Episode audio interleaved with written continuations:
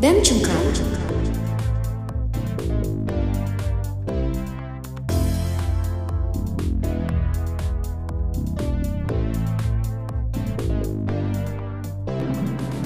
Ya, selamat datang di podcast BEM Cengkrama bersama Kementerian Sosial dan Politik BEM FH. Dengan saya Raffi sebagai host pada podcast kali ini. Podcast kali ini kita akan mengangkat tema jalan panjang penuntasan penghilangan paksa di Indonesia. Dan sudah hadir bersama kami Mas Ari Priambodo sebagai keluarga dari Petrus Bima Anugrah atau yang dulunya di yang dulunya akrab dipanggil Mas Bimpet atau Mas Bimo yang merupakan mahasiswa Universitas Airlangga korban penghilangan paksa oleh negara pada tahun 1998. Selamat pagi Mas Ari. Selamat pagi Mas. Selamat ya, pagi semua. Mas Ari. Ya, hari ini sehat ya Mas ya? Alhamdulillah pangestune Mas. Ye. Ya, terima kasih Mas sudah hadir di podcast BEM Cengkrama kali ini. Dan juga hadir pada hari ini Kepala Divisi Impunitas dari Komisi untuk Orang Hilang dan Korban Tindak Kekerasan atau Kontras, yaitu Mbak Teoria Priti. Selamat pagi Mbak. Halo, selamat pagi Mas Raffi. Ya, aku enaknya ini manggilnya gimana Mbak Teoria, Mbak Ria, Mbak Priti atau gimana ini?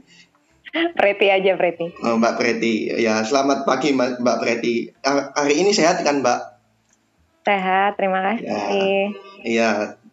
Nah, terima kasih juga ya Mbak sudah hadir di podcast pada hari ini. Uh, sebelum kita lanjut ke intinya, mungkin bisa saya berikan sedikit insight buat para pendengar podcast. Kalau pada tanggal 30 Agustus itu diperingati Hari in, Penghilangan Paksa Internasional maksud saya Hari Penghilangan Paksa Internasional. Nah, di Indonesia sendiri, kasus penghilangan orang secara paksa itu sudah terjadi sejak lama dan berulang-ulang kali dilakukan oleh pemerintah. Kejadian yang paling terkenal dari penghilangan paksa itu antara lain peristiwa 1965, 1966, lalu ada pendudukan di Timur Timur pada tahun 1975 sampai 1999, lalu kasus penembakan misterius atau yang dikenal Petrus, lalu ada juga darat operasi militer di Aceh, dan yang paling terkenal itu penculikan 13 orang aktivis pro demokrasi di tahun 1997 sampai 1998 yang sampai saat ini keberadaan mereka yang sudah di, hilang itu masih belum terungkap atau diungkap oleh negara. Ya, uh, mungkin aku bisa langsung aja ke Mas Ari terlebih dahulu. Ya, mungkin ini mohon maaf ya Mas, kalau misalkan pertanyaannya yang diajukan ini lebih ke personal. Ya, mungkin bisa Mas Ari bisa berbagi cerita ke kami. Mungkin waktu itu, waktu kejadiannya hilangnya Mas Bimo itu, Mas Ari itu umur berapa ya Mas? Oke, okay. Uh, pertanyaan jangan susah-susah pokoknya.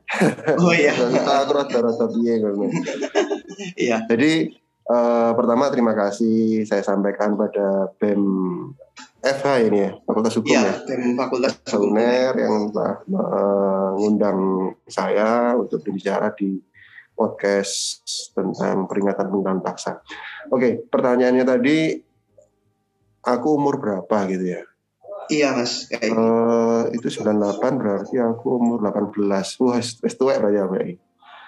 Aku aku umur 18 17 17 18 lah, umur segituan lah. Masa-masa remaja lah. Kalian udah lahir itu? Uh, kalau saya itu mas setahun setelahnya mas 99 Ya Allah ternyata kalian masih muda-muda ya Dan saya salut sama teman-teman Eva gitu Maksudnya mau mengangkat kasus ini gitu ya. Meskipun uh, teman-teman tidak tidak mengalami gitu, Tidak nyamani gitu. Saya umur 17-18 pada waktu itu Pada waktu itu masih SMA lah Masih remaja gitu Gitu mas Ya berarti hmm. waktu itu sudah istilahnya udah tahu ya Mas ya kondisi situasi waktu tahun 98 itu kayak apa? Enggak juga. Kayak apa gitu. Oh. Enggak juga Mas. Hmm. Jadi dulu itu kan gini, apa ada pelajaran namanya PMP. PMP itu pengamalan moral Pancasila. Nah, itu itu produknya negara dan semuanya itu yang bagus-bagus untuk negara lah PMP itu sebenarnya. Nah, di luar di luar pelajaran itu uh, semuanya buruk gitu. Dan saya juga tahunya ya apa yang diajarkan oleh negara, oleh sekolahan gitu. Jadi untuk apa gejolak politik lah, terus ketidak ketidak eh, apa ya protes-protes gitu ya, itu nggak ada di otak pelajar itu nggak ada. Dan saya sendiri juga nggak tahu, nggak tahu kejadian 98 itu kok sampai se apa ya semengerikan itu nggak ada di pikiran kami sebagai pelajar. Tahunya ya negara baik-baik saja, rakyat adil dan makmur, gitu gitulah. E, by sekolahan ya, yang diajarkan di sekolah itu seperti itu. Oke, uh, mungkin di tahun 98 itu kan juga Mas Ari ini kan juga sudah tadi kan bilangnya udah remaja. Nah mungkin waktu itu itu atau mungkin Mas Ari bisa nggak sih mengenang kembali seperti apa sosok Mas Bimo yang kala itu sebelum dinyatakan hilang itu seperti apa? Nah ini yang menarik ini karena pendidikan yang saya terima di sekolah saya itu negara adalah baik-baik saja, gitu ya, uh, tidak ada arus lain lah istilahnya. Yang ada itu arusnya ya negara baik, rakyat adil dan makmur, gitu ya. Nah, Bimo Petrus itu sudah kuliah di UNER pada waktu itu, tahun 92 ya. Kalau nggak salah 92, 91, 92. Ya sekitar itulah. Nah, itu saya masih SMP Nah, Mas Bimo, Mas saya itu, abang saya itu udah kuliah. Dia kuliah di Surabaya, kami tinggal di Malang. Nah, karena jarak Malang dan Surabaya ini dekat, setiap akhir pekan dia pulang, pulang ke rumah. Ya, pulang ke rumah ke Malang naik bis gitu. Itu bawanya buku-buku politik semacam Tan Malaka, Mas. E, tahu Tan Malaka kan ya? Iya, iya tahu Mas. gitu ya, tahu Tan Malaka gitu Nah, zaman dulu Tan Malaka itu nggak terkenal, Mas. Nggak ada yang kenal Tan Malaka, Mas. Saya itu kenalnya ya Ki Hajar Dewantoro, Panglima Sudirman, Tan Malaka itu nggak ada. Nggak ada di otak saya. Iki sopo iki kan gitu. Saya disuruh baca bukunya Madilog gitu, tahun 92. Itu saya masih SMP. Nah, di situ saya mengenang bahwa iki Mas Bimo ini ngapain sih gitu ada tokoh kayak Tan Malaka, terus siapa ya? Ya tokoh-tokoh kiri lah istilahnya, tokoh-tokoh kiri pada waktu itu ya. Ini siapa? Dan setiap kali dia pulang dia bawa bacaan baru. Dia bawa bacaan baru yang itu nggak mainstream gitu, off, apa ya off stream gitu lah. Kak saya disuruh baca, ya saya nggak ngerti lah. Zaman remaja SMP disuruh baca Madilog mas. Iki bacaan apa? Saya tahunya laki-laki ya laki-laki Tintin, uh, Asterix Obelix pada waktu itu. Disuruh baca Madilog saya tahu. Nah, saya bertanya-tanya ini ada apa gitu. Dan setiap kali dia pulang dia bawa, bacaan-bacaan itu dan setelah saya baca, saya ditanya isi bukunya apa. Ya, zaman segitu anak SMP disuruh jelasin Madilog. Maksudnya bisa bayangin, saya mendingan main apa ya, main layangan mas. Kalau boleh milih, saya mending milih main layangan daripada baca Madilog. Nah, akhirnya kita tahu bahwa keluarga tahu bahwa Bimo itu ternyata terlibat dalam uh, organisasi apa ya organisasi mahasiswa gitu kumpulan-kumpulan gitu. Kalau nggak salah dulu sebelum ikutan PRD SMID itu dia aktif di ini Alusius Gonzaga itu apalah. Nah, pokoknya perkumpulan mahasiswa gitu yang untuk yang agamanya Katolik gitu. Nah, agamanya Kristen atau Katolik gitu. Nah, itu kumpulan. Oh, dia bawa bacaan-bacaan. Gitu. Nah, setelah itu baru kita tahu 9 93 lah ya, 93 itu kita baru tahu dia aktif dalam organisasi mahasiswa yang berafiliasi pada eh, hal-hal uh, politik gitu. Tapi kegiatan kegiatan hari-harinya kita nggak tahu dia mau ngapain, dia di Surabaya seperti apa, kita nggak tahu. Gitu, Mas. Tapi waktu ini Mas, kan 98 itu kan yang dikenang itu juga eh, aksi mahasiswa yang turun ke jalan. Nah, itu apa juga waktu mau melakukan aksi itu juga pamit ke keluarga dulu kalau mau melakukan aksi gitu. Nah, ya, ya dia akhirnya karena karena timbul pertanyaan bahwa dia bawa buku politik dan segala macam baca politik gitu kan timbul pertanyaan dari orang tua saya, orang tua kami kamu itu ngapain gitu. Nah, dia akhirnya tahun 96 kalau nggak salah. 96. 96 itu dia sudah menjelaskan nah, sini di sini gitu ya. Kalau nggak salah ada peristiwa di Surabaya gitu. Di Surabaya itu aksi aksi buruh aksi buruh Bimo itu dipukul mas. Bimo itu dipukul sama sama or ormas lah. Ormas ormas sama ormas dipukul darah gitu. Pada waktu aksi pendudukan di DPR Surabaya itu dia dipukul Nah di situ saya sama mas saya satunya, Bimo itu nomor dua, saya nomor empat. Nah saya sama nomor tiga ini disuruh orang tua saya untuk ke Surabaya nemuin Bimo gitu. Nemuin Bimo, saya berangkat dari Malang naik kereta api, saya temuin Bimo untuk melihat kondisinya. Katanya dia kena pukul sama ormas gitu. Tahun 96 kalau nggak salah. Nah ternyata Bimo sudah nggak ada di Surabaya. Bimo sudah uh, direkrut ditarik ke Jakarta. Nah pada waktu itu bapak bapak saya cuma memberikan secari surat, gitu ya, selembar surat itu isinya cuma satu kata, teruskan perjuanganmu. Bapak saya itu. Nah saya masih remaja, ya nggak ngerti lah. Iki, iki saja nih piye, nggak ngerti saya. Saya nggak ngerti. Tapi seperti itu. Nah pada waktu 96 dia sudah nggak pernah pulang. Dia sudah jarang pulang karena dia posisi di, di Jakarta dari Jakarta yang hanya kirim-kirim surat. Dia pulang itu cuma sekali tahun 97. Tahun 97 itu pasca kuda kuda tuli eh, peristiwa 27 Juli 96 kan. Dia Natal kalau nggak salah, Natal atau Paskah itu dia pulang. Pulang itu pun prosesnya kayak film-film mas kalau boleh tahu. Kalau boleh saya cerita ya, prosesnya kayak film-film inilah born identity atau apalah sing detektif detektif itulah jadi saya itu pada waktu itu ada yang namanya telepon umum. Nah zaman sekarang udah nggak ada ya telepon umum ya. Ada telepon umum namanya telepon koin mas. Jadi rumah saya itu ada teleponnya belum ada HP ada telepon rumah terus ada telepon umum di dekat rumah gitu. Kurang lebih jaraknya serat 200 meter lah dari rumah. Bimo itu telepon dari dari telepon umum itu. Tolong aku dijemput di uh, titik ini gitu. Di satu tempat. Dia telepon dari telepon umum. Padahal jaraknya itu ya 200 meter dari rumah. Ini kan ini ini ada apa gitu loh. Orang tinggal 200 meter aja jalan kaki kan bisa. Enggak dia minta dijemput. Dia minta dijemput akhirnya dijemput sama abang saya yang nomor tiga naik sepeda motor baru pulang ke rumah. Lewat itu pun nggak lewat nggak lewat pintu depan lewat pintu belakang dia pakai topi gitu pakai topi yang nggak kelihatan mukanya. Eh, pakai masker nggak ya? Enggak belum belum belum zaman masker pada waktu itu. Tapi ya gitulah. Dia nggak langsung tiba ke rumah kayak orang pulang kampung gitu ya? Enggak. Eh, dia telepon dulu.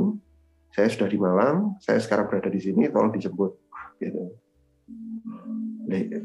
Tinggal 200 meter aja kok kok nggak langsung pulang gitu loh. Pertanyaan saya itu seperti itu. Nah ternyata dia cerita dia cerita bahwa uh, semua teman-temannya dia dan termasuk dia itu jadi buronan buronan politik.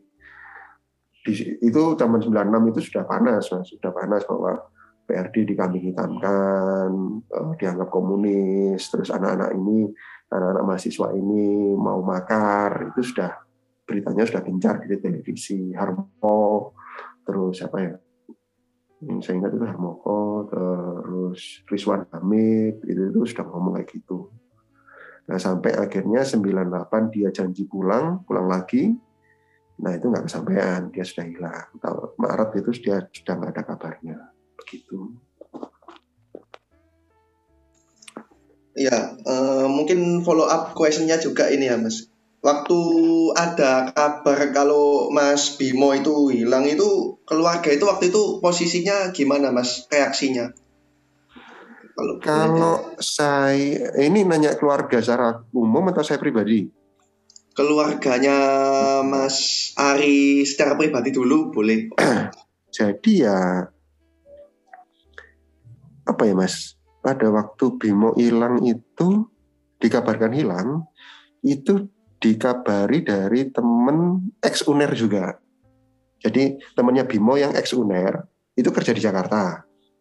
Nah temennya inilah yang mengabari kami. Bukan teman-teman PRD-nya atau bukan teman-teman Smith-nya karena anak-anak Smith dan PRD ini pada kocar kacir lah istilahnya. Pada kocar kacir dan mereka juga sembunyi kan gitu. Nah yang ngabarin ini bukan anak PRD tapi anak ex uner juga itu ngabarin ke rumah bahwa Bimo itu sudah nggak berkontak gitu, sudah nggak berkontak beberapa hari gitu. Dan kalau nggak sudah berkontak beberapa hari berarti hilang gitu. Ya reaksi keluarga itu ya nggak percaya hilang piye gitu, hilang gimana gitu Nah, tapi di berita TV itu kan juga ada penculikan Pak Andi Arief juga dinyatakan diculik, terus uh, Herman Hendrawan uh, itu hilang, hilang beberapa mahasiswa lain juga hilang. Gitu.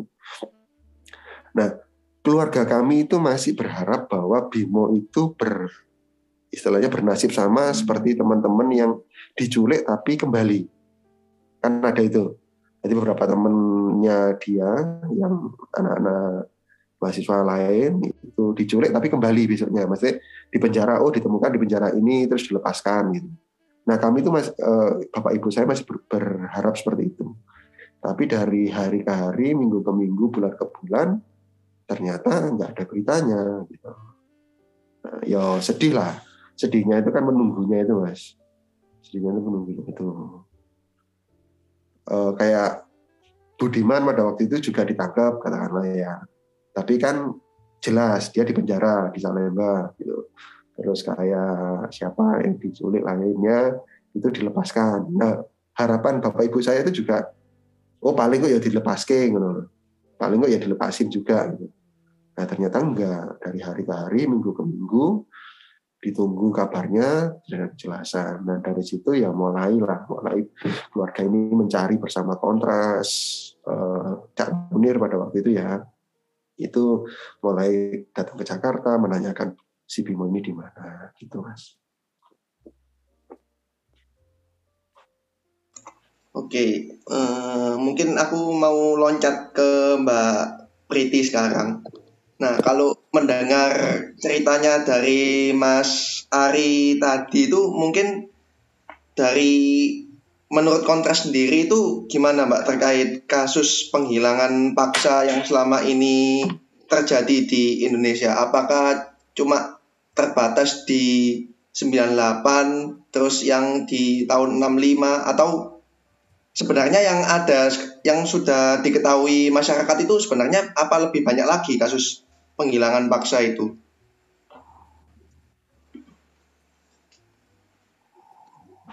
Halo, ah ya. Uh, terima kasih Raffi.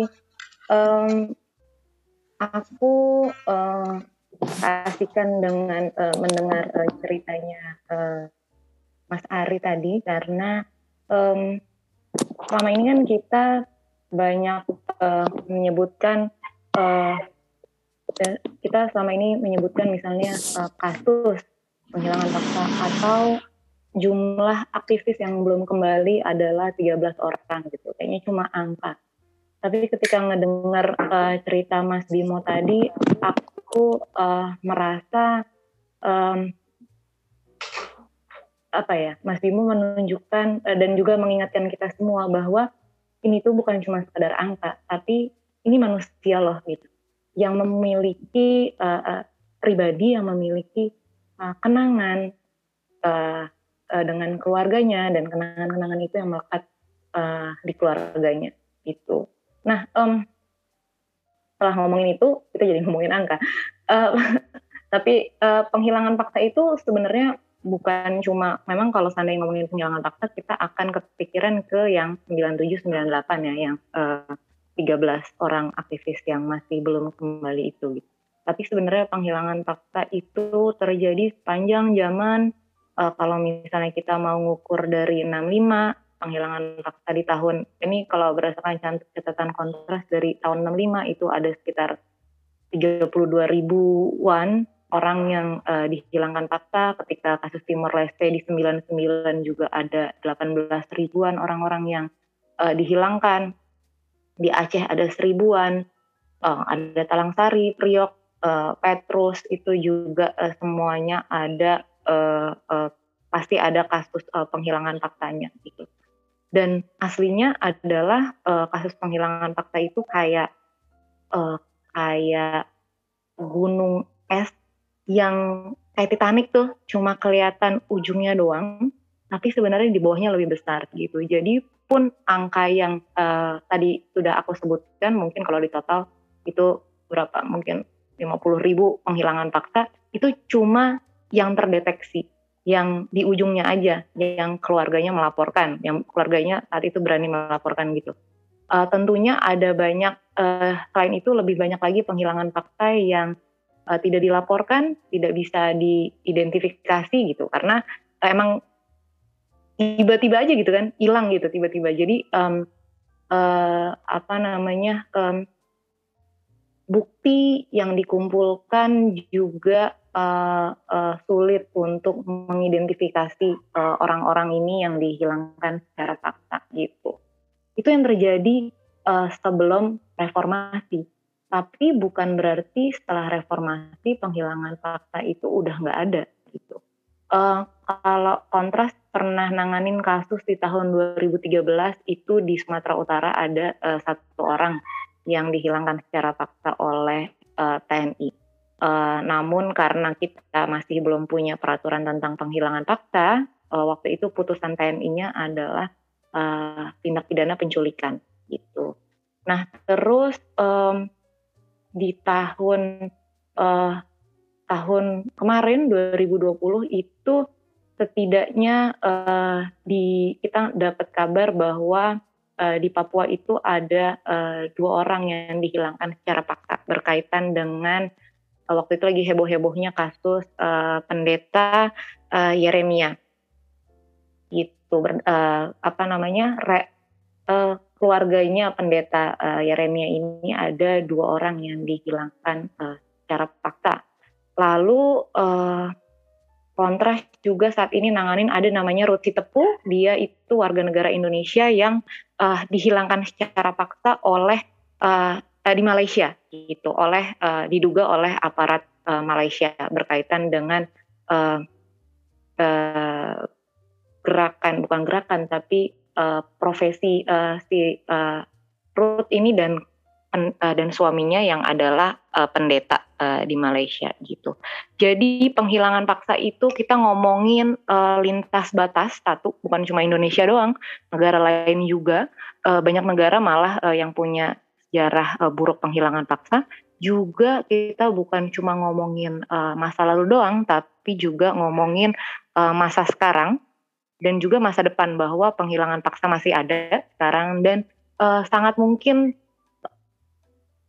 terjadi uh, di masa depan. Dalam artian uh, um, potensi terjadinya itu uh, sangat besar. Kalau seandainya kayak kemarin ketika kemarin-kemarin ya ketika teman-teman uh, mahasiswa itu uh, melakukan aksi di jalanan terus kemudian teman-teman uh, di sweeping terus ditangkap dan pada ditahan uh, penahanan itu kan sebenarnya ada batas waktunya ya satu kali 24 jam tapi ini bahkan uh, sampai berhari-hari keluarga itu tidak dikabari nah um, dalam satu contoh uh, aksi aja di bulan uh, September 2019 itu kontras setidaknya dapat 390 uh, pengaduan dari uh, keluarga yang menyatakan bahwa anaknya tuh hilang. Uh, dalam artian anaknya pergi uh, terus uh, untuk aksi terus kemudian nggak ada kabarnya lagi selama uh, beberapa hari gitu.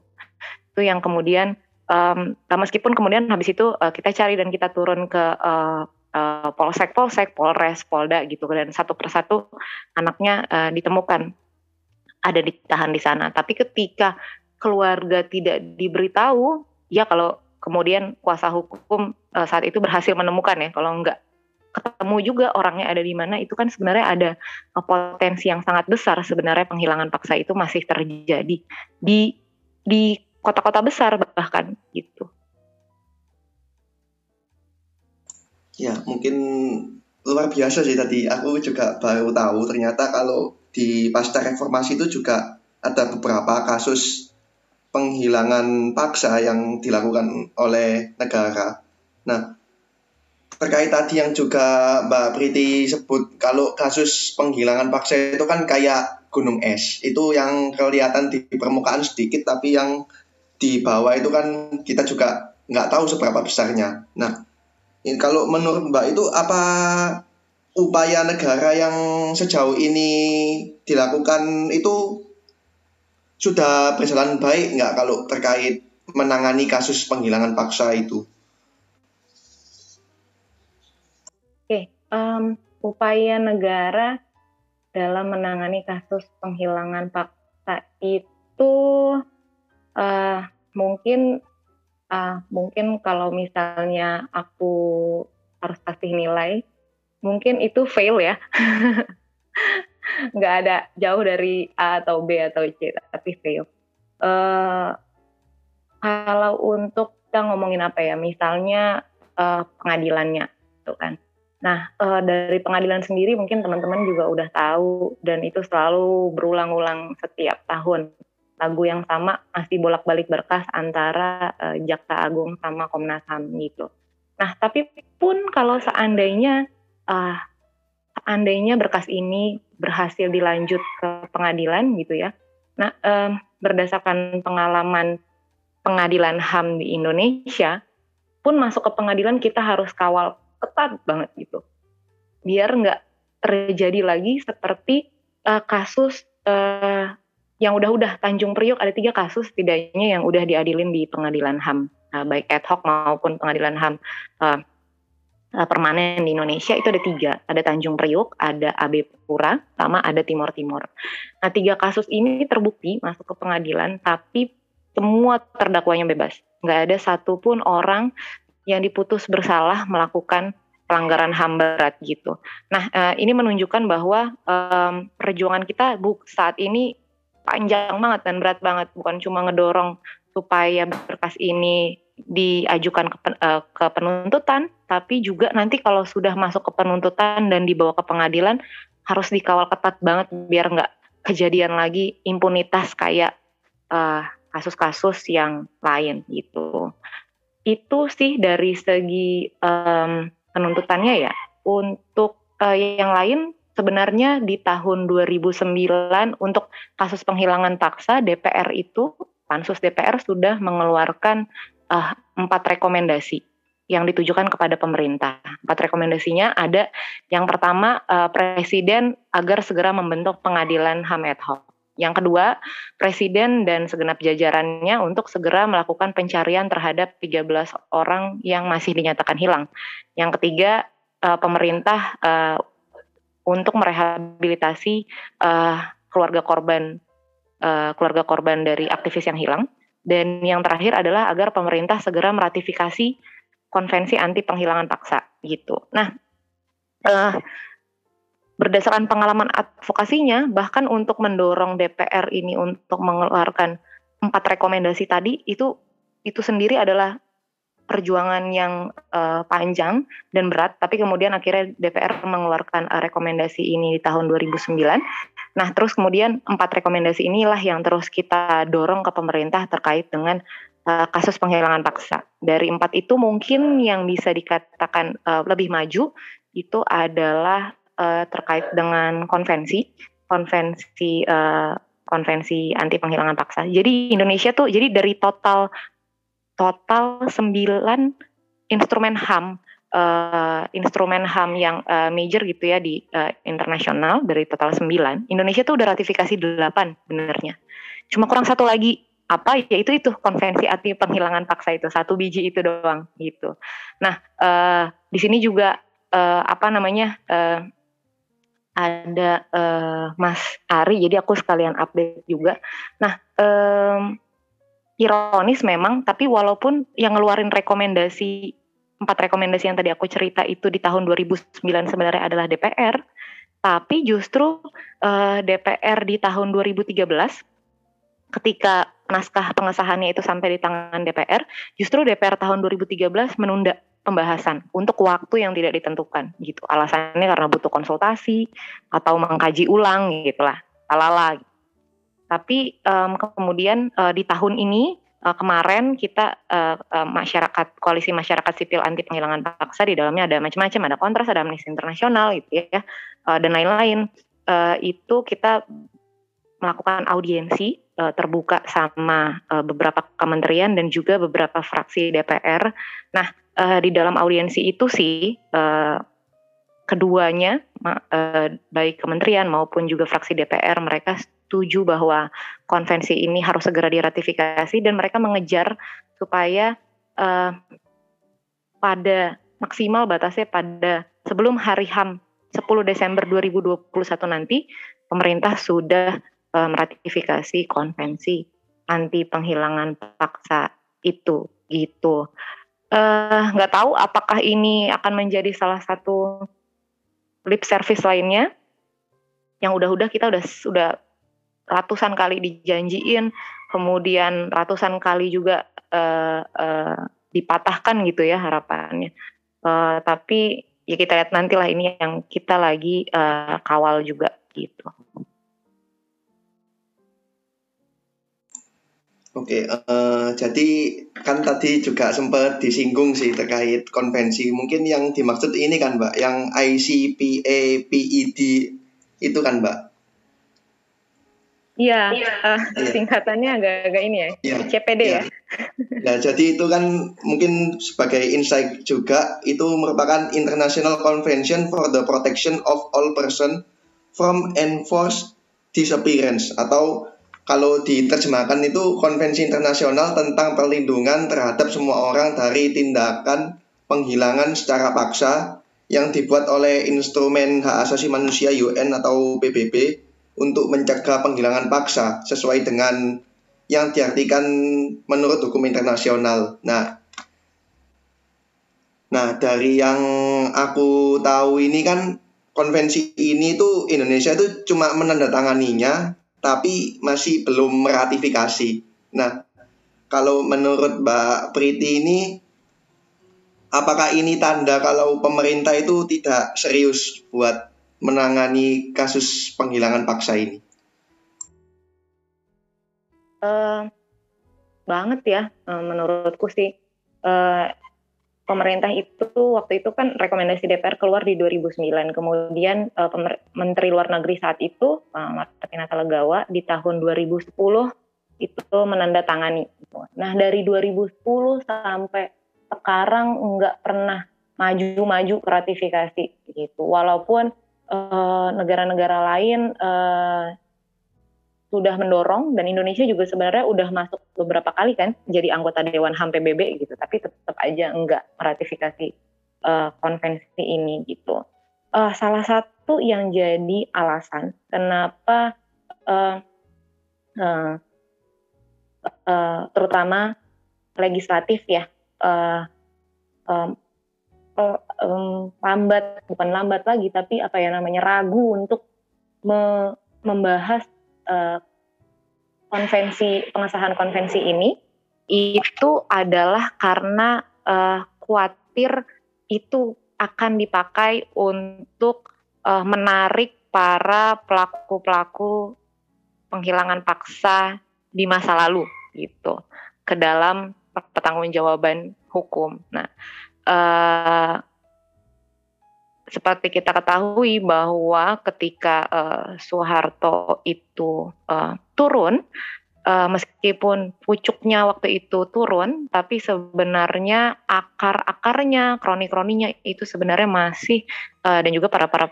para pelaku penghilangan paksa tentu saja itu masih uh, ada sebenarnya di di di di kepemimpinan bahkan ada di kepemimpinan uh, dan beredar di mana-mana di kepemimpinan uh, yang sekarang. Uh, bukan cuma aku bukan mau bilang bahwa kepemimpinan sekarang doang uh, di mana mereka beredar. Enggak mereka beredar udah dari dari dulu. Dari 98 sampai sekarang tuh tetap ada orang-orangnya di situ gitu. Nah kemudian mereka uh, sebagian ada yang di eksekutif sebagian ada yang di legislatif. Nah oleh karena itu kemudian beberapa uh, partai uh, beberapa fraksi di DPR ragu untuk membahas uh, konvensi uh, anti penghilangan paksa ini gitu. Karena mereka berpikir jangan-jangan nanti kalau gue ratifikasi nih malah uh, misalnya pemimpin partai gue nih yang justru uh, jadi bisa dibawa ke pertanggungjawaban hukum dengan konvensi ini gitu. Gitu sih. Uh, jadi dari awal pun uh, kemudian ketika uh, konvensinya ini memang sifatnya ada uh, ternyata konvensinya ini baru bisa apa ya uh, entry into force sebutannya uh, kalau di hukum internasional. Uh, apa ya bilangnya uh, pokoknya bar, bahasa Indonesia kayak baru bisa di apa uh, aplikasikan baru memiliki kekuatan hukum gitu ya. Di Indonesia adalah ketika kita ketik, dimulai dari tanggal kita ratifikasi itu gitu. Jadi nggak bisa uh, jadi tidak berlaku uh, surut ke belakang. Kemudian ketika ada pemahaman itu baru kemudian uh, um, legislatif mau membuka obrolan tentang uh, ratifikasi konvensi ini gitu. Jadi dari dari keraguan dari keraguan-raguan mereka pun aku sih sudah membaca bahwa aku membaca bahwa ya ini sebenarnya tuh nggak benar-benar niat-niat banget sih buat nyelesain kasus penghilangan paksa gitu.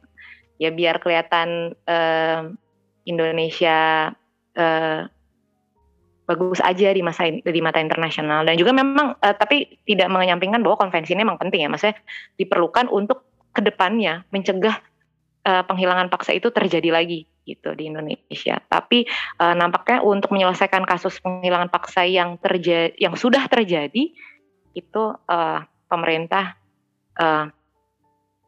nggak uh, nggak berkeinginan gitu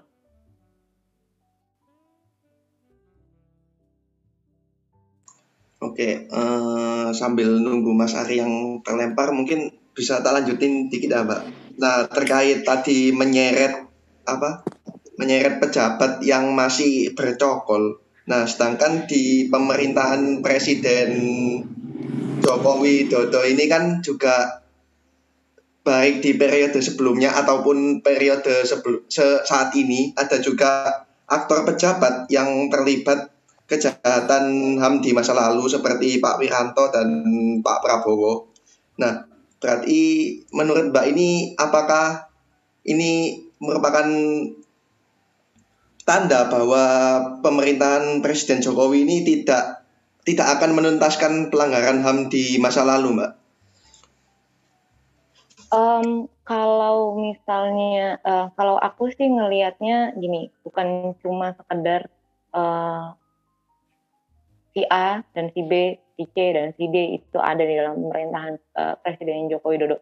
Dari awal, ketika Presiden dipilih tahun 2000 uh, eh, awal tuh pemilihan pertama Presiden 2014 ya, pertama kali uh, Presiden uh, Jokowi itu naik gitu. Uh, waktu ya, itu komitmen yang uh, janji politik yang disebar oleh uh, Presiden Jokowi adalah uh, bahwa dia akan menyelesaikan kasus-kasus pelanggaran HAM berat. Secara spesifik waktu itu ketika itu ada nawacita kan, secara spesifik dia sebutin untuk kasus-kasusnya. Ada uh, penghilangan orang paksa, priok, uh, manggi gitu ya, tercapai manggi gitu. Dia sebutin secara spesifik. Nah, sepanjang lima tahun itu dari 2014 sampai 2019 kita udah lihat nggak ada yang terjadi, nggak ada kasus satupun yang selesai ataupun maju, nggak ada satupun gitu. Uh, jadi menurut aku bahkan dari situ di 2015 eh di 2019 kita udah tahu jawabannya nggak akan gitu. Tapi kemudian uh, diperkuat lagi keyakinan kita terhadap nggak akan ini ketika uh, 2019 uh, Presiden uh, Jokowi terpilih, kemudian uh, dia mengangkat saingannya itu menjadi uh, Menteri Pertahanan. Yang mana di 2014 sebenarnya isu yang Jokowi pakai itu spesifik banget HAM dipakai untuk uh, menyerang uh, lawannya ini. Itu. Kemudian dia uh, secara terang-terangan dia melawan, eh, melawan menggunakan isu ini ketika 2014. Kemudian uh, waktu uh, 2019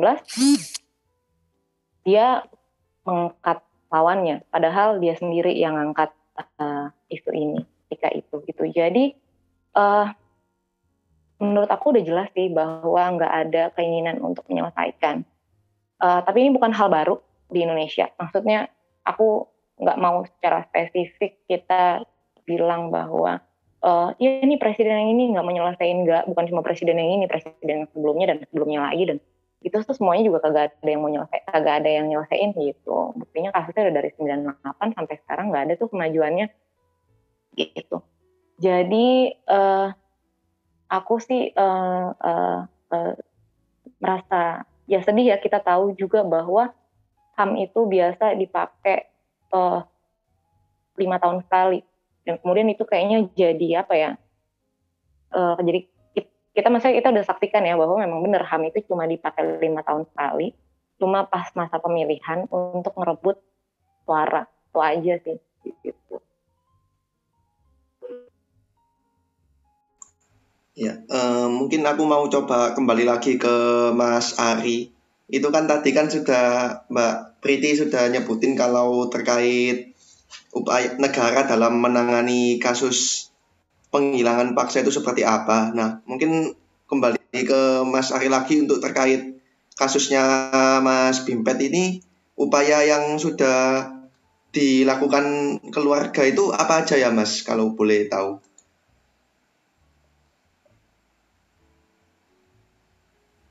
Oke, okay. uh, eh, apa yang dijelasin Mbak Preti tadi memang apa ya detail gitu ya terus ditanyain apa sih yang sudah dilakukan keluarga? Gitu. Yang sudah dilakukan keluarga itu ya semuanya mas. Mencari ke mana-mana. Artinya bukan keluarga ini uh, uh, menyerah kalah gitu ya enggak ya namanya anggota keluarga lah ya. Pasti dicari pak. Pasti dicari. Nah tetapi kita memang uh, ber, membentur ber, ber, berbagai macam tembok berbagai macam alasan gitu dan kami memang terima kasih lah, kami terima kasih uh, pada NGO-NGO atau LSM-LSM, sebagian kontras gitu ya, yang mendampingi kami. Gitu. Tanpa mereka kami juga tambah gelap lagi gitu, tambah gelap lagi. Orang didampingi mereka aja masih gelap. Kan. nah, yang poin yang saya apa ya saya tarik dari penjelasan Mbak tadi itu yang paling menyakitkan adalah ketika isu penghilangan paksa itu dijadikan bergening politik gitu. Artinya isu ini diperjualbelikan hanya untuk uh, serang menyerang lawan politik. Nah, itu yang paling menyedihkan. Paling menyedihkan dan sekaligus menyakitkan ya bagi kami ya. Jadi niatannya nggak ada, eh, niatannya itu mencarinya nggak ada, tapi niatannya itu hanya untuk melemahkan lawan politik dan apa ya? Ya semacam kayak dibohongin aja mas, gitu. Kayak semacam dibohongin aja. Eh, kemarin ngomongnya mau diperjuangkan, ternyata eh, sampai pada waktunya hanya sebagai bergening politik, hanya sebagai tawar menawar jual beli aja dan dan apa ya yang saya sayangkan secara pribadi maupun secara keluarga gitu ya. Ini bahkan teman-temannya Bimpet itu ada di situ gitu loh. Teman-temannya Bimpet itu ada di lingkaran itu gitu loh. Ini kan bagi saya ya nggak nggak bisa diterima gitu ya. Saya Bimpet itu hilang karena melindungi teman-temannya, tapi teman-teman yang dilindungi itu itu malah berkelindan di situ gitu loh. Berkelindan di permainan ini gitu. Itu kan nggak nggak masuk akal bagi saya gitu. Nggak masuk akal. Istilahnya gini saya saya bela ini sampean gitu ya. Saya bela ini sampean terus saya saya berkorban untuk sampean tetapi sampean nggak nggak nyari saya gitu ketika saya ada apa-apa sampean nggak nyari saya. Dan itu kan ya apa ya nggak bisa di nggak nggak masuk akal lah nggak masuk akal baik itu secara kemanusiaan maupun secara pertemanan ataupun secara politik gitu ya. Gitu. Atau secara nggak masuk akal bagi saya. Uh, tapi ya nggak tahu lagi lah ya. Artinya bahwa saya juga nggak nyalain personal satu persatu gitu tidak. Tapi ya kita berusaha bareng-bareng lah untuk sadar bahwa ini bukan dagangan ini bukan ini bukan permainan gitu yang bisa dimainkan di A B C D E gitu enggak gitu. tapi ini adalah tanggung jawab sosial tanggung jawab bersama dan tanggung jawab kemanusiaan untuk diselesaikan karena apa kalau kalau kasus 98, kasus 65, kasus apa pun, Talang Sari, Tanjung Priok, itu hanya sebagai bergening politik, ke depan nanti untuk anak cucu kita, itu ya sama aja gitu loh, nggak ada perubahan. Katakanlah gini, sekarang mas, mas, mas, di FH ini kritis gitu ya, kritis gitu, kritis terus membela rakyat gitu ya. Ya ini dibelain ini mas ternyata masnya yang hilang gitu. Masnya mas apa namanya mas mas Raffi, eh, uh, itu hilang gitu. Tiba-tiba habis podcast ini hilang gitu ya. Nah kan dan itu akan berulang terus gitu dan itu bahaya bahaya artinya eh, nggak uh, bisa diterusin hal, hal seperti ini gitu kita harus harus saling menjaga baik itu secara manusia, baik itu secara hak politik, ataupun minimal sebagai sesama kawan lah. Itu aja.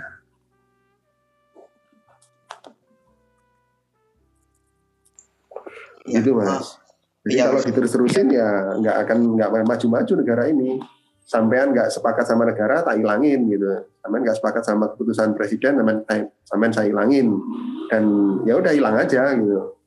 Eh, tiba-tiba hilang nggak ada pertanggungjawaban, nggak ada nggak ada apa ya penyelesaian dan itu akan berulang-ulang kalau nggak ini nggak di stop gitu. Ya, uh, mungkin saya lanjutin ya Mas. Mungkin kalau ini kan negara kan juga apa masih stuck di situ terkait apa kasus penghilangan paksanya. Nah mungkin pernah nggak sih Mas kayak ada pejabat negara yang mungkin nggak secara publik sih tapi secara personal gitu kayak menyampaikan bela sungkawa atau permintaan maaf ke keluarga terkait kasus ini. Bahaya mas, itu bahaya. Hal-hal seperti itu bahaya. Dan itu nggak akan dilakukan oleh mereka. Mereka juga punya hitung-hitungan kan, gitu loh. Apa dasarnya mereka mereka memberikan istilahnya sumbangan katakanlah ya apa dasarnya gitu ya. Oke lah secara kemanusiaan oke lah, tapi secara posisi membahayakan mereka dan mereka nggak mau nggak mau mengambil resiko itu kan gitu. gitu. Berarti itu ya mas ya kayak kasus ini memang benar-benar cuma dijadikan isu untuk mendongkrak suara mereka supaya mereka bisa langgeng kekuasaannya gitu aja ya mas sejauh ini. Uh, ya itulah boleh bilang di politik atas seperti itu. Jadi apa yang disampaikan Mbak Preti tadi benar gitu. Pada waktu Jokowi dulu bapak saya juga diundang gitu ya, keluarganya Wiji Dukul juga diundang gitu ya, e, menyampaikan istilahnya ya tak belain Pak gitu. Nah itu kan aktivis-aktivis yang pro demokrasi itu kan wah ini melihatnya Jokowi ini oke okay ini kan mengangkat isu HAM gitu ya. Eh ternyata e, masnya tahu sendiri gitu ya ternyata ya nggak ada apa-apanya gitu sampai hari ini bahkan apa yang katakan Mbak Preti tadi benar bahwa yang terduga terduga terlibat gitu ya itu malah diangkat jadi menterinya gitu ya kan ya sakit gitu. ini gimana sakit gitu. Dan ini nggak boleh terjadi mas. Jadi mas masnya ini generasi ke depan ini ya. Itu memang kita harus benar-benar sadar politik sadar hak-hak kita sebagai warga negara.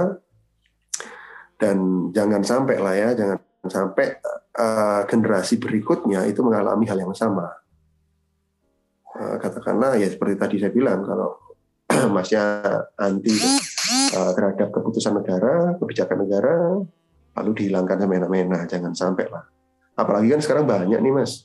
Eh, kasus-kasus yang nggak selaras lah ya. Orang mural aja dihapus dengan begitu mudahnya apalagi mas manusia gitu kan. Nah gitu. Yang paling hangat ini kan mural-mural itu dihapusin. Uh, protes terhadap penanganan pandemi gitu dihapusin gitu ya. Nah, kalau penghilangan paksa ini dibiarin terus, ya bukan tidak mungkin anak-anak yang melakukan street art, mural, protes-protes terhadap negara, terhadap apa kebijakan penanganan pandemi ini dihilangkan begitu saja. Gitu, Mas. Oh iya Mas, terkait tadi Mas Ari yang cerita terkait di kampanyenya Jokowi. Nah, itu mungkin apa Mas Ari sampai sekarang sama keluarga dan sama NGO itu juga masih menagih terkait janjinya Jokowi itu seperti apa yang 2014? Kalau itu uh, saya saya ini kan nggak bapak saya selama ini kan yang aktif kan bapak saya. Ya pastilah ya ditagih terus lah. Jokowi ini ditagih terus, digedor terus. Uh, apa lewat NGO lewat uh, pendampingan kontras, ikohi gitu kan kita juga nanti janji tapi kita tahu bahwa proses politik itu kan nggak nggak semudah membalikkan telapak tangan nggak usah jauh-jauh nggak usah jauh-jauh. Aksi kamisan itu kan satu simbol ya satu simbol satu bentuk konkret gitu ya. Menagih janji pemerintah terhadap kasus kasus uh, pelanggaran HAM gitu ya. Itu aja masih belum berhenti kok dan masih ber, berlanjut terus gitu. Artinya kan belum terselesaikan. Kalau kami di Malang katakanlah bu, bukan masalah kami itu nggak berusaha ya. Kami jaraknya jauh gitu ya. Terus harus ada upaya effort lebih gitu ya. Aksi kami di, di Jakarta, di Malang juga ada gitu ya. Di Surabaya mungkin juga ada gitu.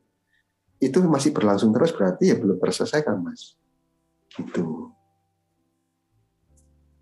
Oke, uh, karena ini sudah diingatkan kalau waktunya sudah mendekati udah terlalu lama juga. Mungkin sebelum aku menutup podcast ini dari Mbak Priti mungkin ada pesan terakhir yang mau disampaikan terkait kasus penghilangan paksa ini kayak apa nanti ke depannya. Oke, okay. uh, eh, kalau aku mungkin aku pengen uh, menyampaikan uh, bahwa uh, ini sembari um, para organisasi masyarakat sipil, para uh, uh, keluarga korban berjuang untuk uh, kasus dari dari berbagai macam jenis upaya ya, baik mau litigasi, non litigasi, lewat lobby eksekutif, legislatif, uh, yudikatif gitu ya. Tapi ada ruang-ruang dan hal-hal yang teman-teman mahasiswa bisa lakukan gitu. Bukan teman-teman mahasiswa.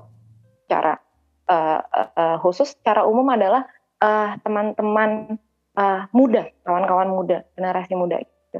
um, salah satunya adalah uh, apresiasi banget uh, dengan teman-teman ngadain uh, podcast ini. Atau mungkin juga teman-teman ngadain diskusi dan sebagainya. Karena itu penting gitu.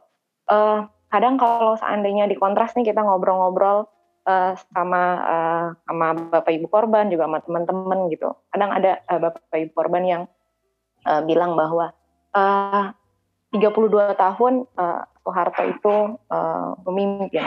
Mungkin perlu 32 tahun juga uh, sampai semua uh, uh, akar-akarnya itu uh, dicabut dan juga uh, keadilan bisa uh, sampai kepada korban gitu kalau dihitung dari 98 sekarang udah tahun ke 23 jadi uh, 9 tahun lagi menuju 32 jadi uh, uh, dari sekarang um, ketika teman-teman ngadain diskusi ini terus kita bisa sharing uh, bisa ngomongin uh, uh, soal uh, keadilan untuk korban apa yang sebenarnya terjadi. Menurut aku udah uh, menurut aku uh, satu itu oke okay banget dan uh, bisa dilanjutkan ke depannya.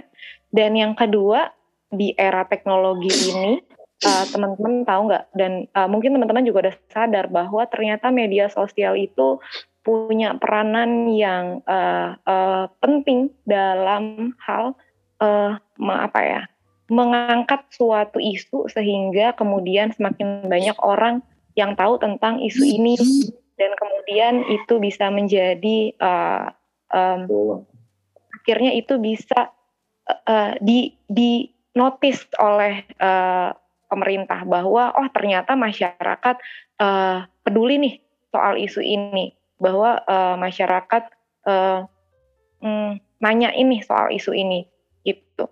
Uh, kemarin dalam audiensi yang aku ceritain tadi itu salah satu fraksi DPR bilang bahwa uh, uh, coba uh, uh, dia minta tolong agar uh, media sosial itu orang-orang uh, bisa ngomongin soal penghilangan fakta. Sehingga kemudian uh, pemerintah uh, notice uh, bahwa uh, semua orang itu sebenarnya uh, masih uh, peduli sama isu uh, sama kasus-kasus penghilangan fakta gitu. Jadi nggak uh, perlu jauh-jauh uh, ke pengadilan atau ke DPR gitu ya di di di saat pandemi ini uh, teman-teman di mana pun teman-teman berada itu bahkan uh, teman-teman bisa uh, menyuarakan dan membantu uh, keluarga korban untuk uh, menyuarakan uh, keadilan untuk kasus ini gitu. Jadi um, terima kasih teman-teman uh, muda dan uh, jangan lupa menggunakan uh, kekuatan yang teman-teman punya, uh, modal yang teman-teman punya untuk membantu uh, keluarga korban uh, sampai menemukan uh, keadilan dan kebenaran. Terima kasih. Ya, mungkin untuk Mas Ari, apa ada harapan untuk kasusnya yang penghilangan paksa ini seperti apa Mas ke depannya?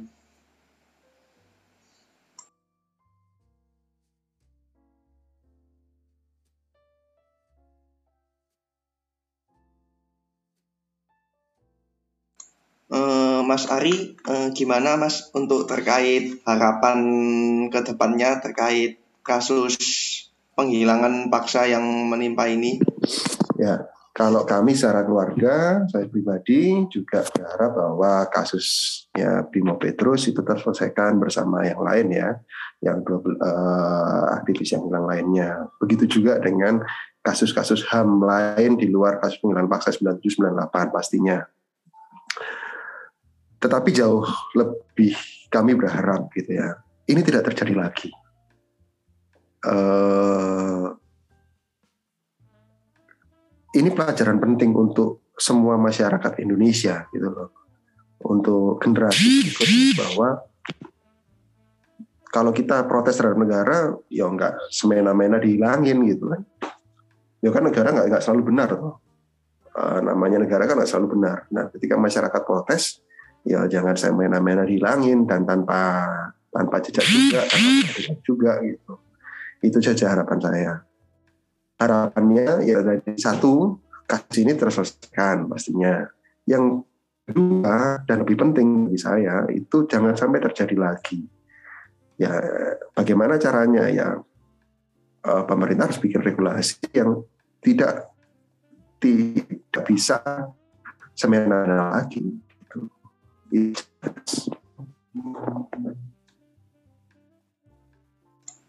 Ya, uh, mungkin karena waktunya sudah dirasa cukup panjang ya ini satu jam lebih kalau bisa di dilihat. Mungkin sekian podcast BEM Cengkrama pada hari ini. Terima kasih banyak kepada Mas Ari yang sudah mau bercerita dan menyempatkan hadir di podcast pada hari ini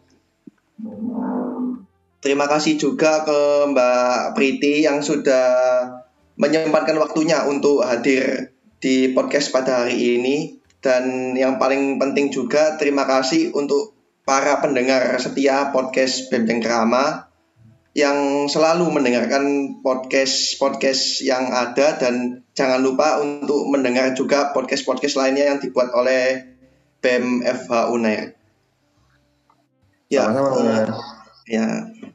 Terima kasih Mas Ari, terima kasih Mas Raffi. Sama-sama Mbak Priti. Salam kenal ya. Ya, salam kenal Mas.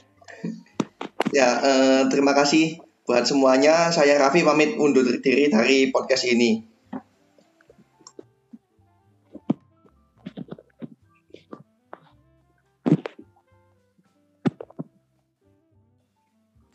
Eh, Diandra bisa stop recordnya. Eh, ini stop record kalau meetingnya di end mas. Jadi ini bakal Oh, Oke, Oke, eh, Terima kasih banyak Mbak Priti, Mas Ari.